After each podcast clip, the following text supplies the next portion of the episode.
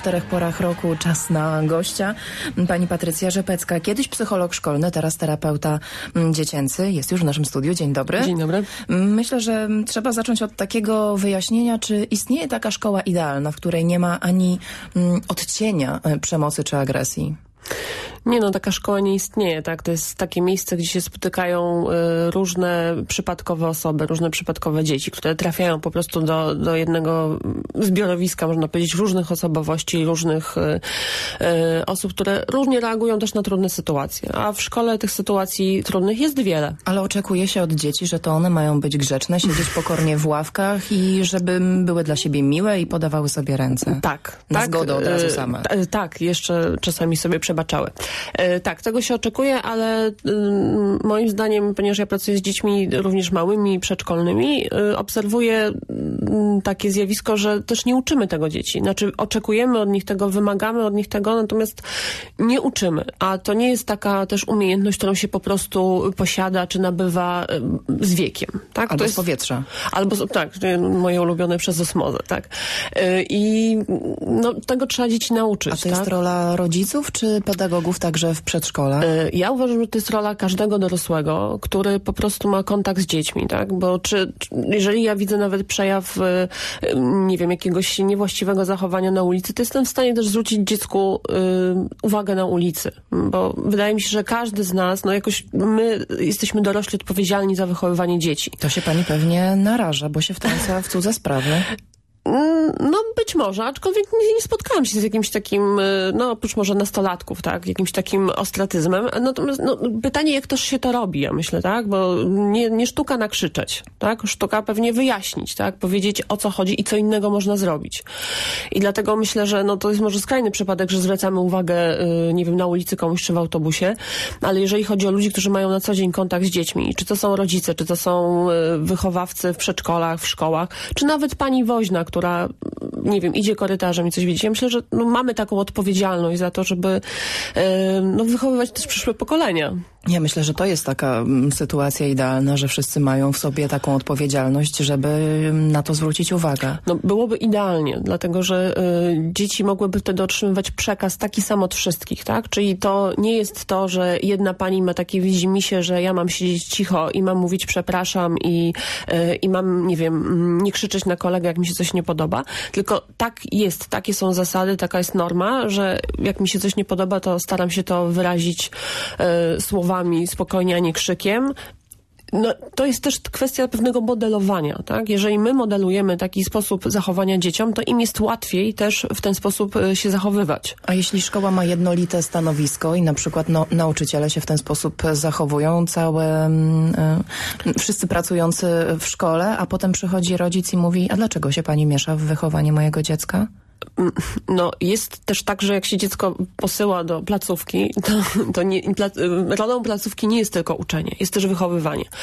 Y, Ja myślę, że to rzadko jest tak, że rodzic mówi, że pani się wtrąca w wychowywanie. Y, Jeżeli to są metody jakieś takie niekontrowersyjne, tak, ale na przykład y, realizowane tak, że za każde zachowanie niewłaściwe jest wyciągana konsekwencja. I to często jest niewygodne, to prawda, też dla rodzica, który jakoś często musi też w tym uczestniczyć, ale ja zawsze powtarzam nauczycielom, że jeżeli na początku y, przedstawią rodzicom, jaki mają sposób reagowania na trudne sytuacje i z całą świadomością uprzedzają, że jeżeli będzie taka i taka sytuacja, to taka i taka będzie konsekwencja, no to też y, jest mniejsza y, możliwość, że rodzic będzie się buntował, bo został o tym uprzedzony. Tak? No, zawsze ma wyjście, może dziecko przenieść do innej szkoły. To też wynika z tego raportu, który cytowałam, że aż 80% rodziców oczekuje od szkoły, żeby zapewniła dzieciom bezpieczeństwo. Ta edukacja schodzi na dalszy plan. Yy, No tak, no bo, no bo wiadomo, że ten wątek bezpieczeństwa jest e, bardziej e, namacalny, jeżeli coś się w tej sferze dzieje złego, tak? Jeżeli moje dziecko wraca, nie wiem, z rozdartym rękawem, tak? Skarży się, że dzieci go popychają, przezywają. No Albo to ja- izolują. Albo izolują. To jest, tak, dokładnie. To jest to, jest to priorytet dla rodzica, tak? No edukacja, powiedzmy sobie szczerze, jest też tak, że nauczyć się można wszędzie. Tak? Czy w szkole, czy gdzie indziej. To, to nie jest... e, Jedyne miejsce, na które przekazuje się odpowiedzialność. i też po to, myślę, że gdzieś zostały stworzone placówki y, szkolne, nie tylko dlatego, żeby dzieci uczyć, ale żeby uczyć ich bardzo ważnych umiejętności takiego życia społecznego. Bo życia w grupie. I to jest, e, to jest ważny aspekt. Jeżeli taki e, aspekt będzie zrealizowany, że oni będą potrafili funkcjonować, współpracować w grupie, to nauczą się zawsze, tak? Ale jeżeli to będzie zaburzone, to jest kłopot też z nauką. Mm, I może te klarowne zasady, o których pisała pani Ewa, czy rzeczywiście restrykcyjny regulamin jest kluczem do sukcesu, czy jednak coś, co z tego regulaminu wynika? Ja myślę, że taki regulamin na pewno ułatwia. Ułatwia dlatego, że mm, jasno mówi, y, co można, a czego nie, nie wolno. I, I tylko właśnie, no, regulamin sam, dlatego że go stworzymy, powiesimy na ścianie, to on nie będzie działał. Bo on działa wtedy, kiedy dorośli, którzy są odpowiedzialni za, za jego egzekwowanie, będą to robili. Bo jeżeli ja mam napisane zasady na ścianie i mówię, że i dzieci je znają, tak? I ja oczekuję, że z samego tego faktu one będą ich przestrzegać i mówię, my mamy zasady. Ja mówię, okej, okay. mówię, a jakie są konsekwencje za ich nieprzestrzeganie? Albo jakie są nagrody za ich przestrzeganie? Bo to nie jest, y, to nie jest koniec. I, I, niestety, żeby to działało, to, to wymaga y, każdorazowego rozliczenia jakby dziecka z tego, czy ono się w tych zasadach y, obcesowych wyrobiło, czy nie. A jeżeli tego nie ma, ja raz zareaguję, raz nie, y, no to, no to też to powoduje, że dzieci dostają taką informację, niekoniecznie muszę się starać, tak? Albo reaguje się wybiórczo. Albo się reaguje się wybiórczo. patrzoną osobę, tak, bo już ona zawsze zwraca uwagę. Tak, bo ona mi bardziej przeszkadza, albo jej zachowanie jest bardziej widoczne, bo to najczęściej jest tak, że to nie dlatego, że mm, to dziecko jest spokojniejsze, a tam to częściej rozrabia.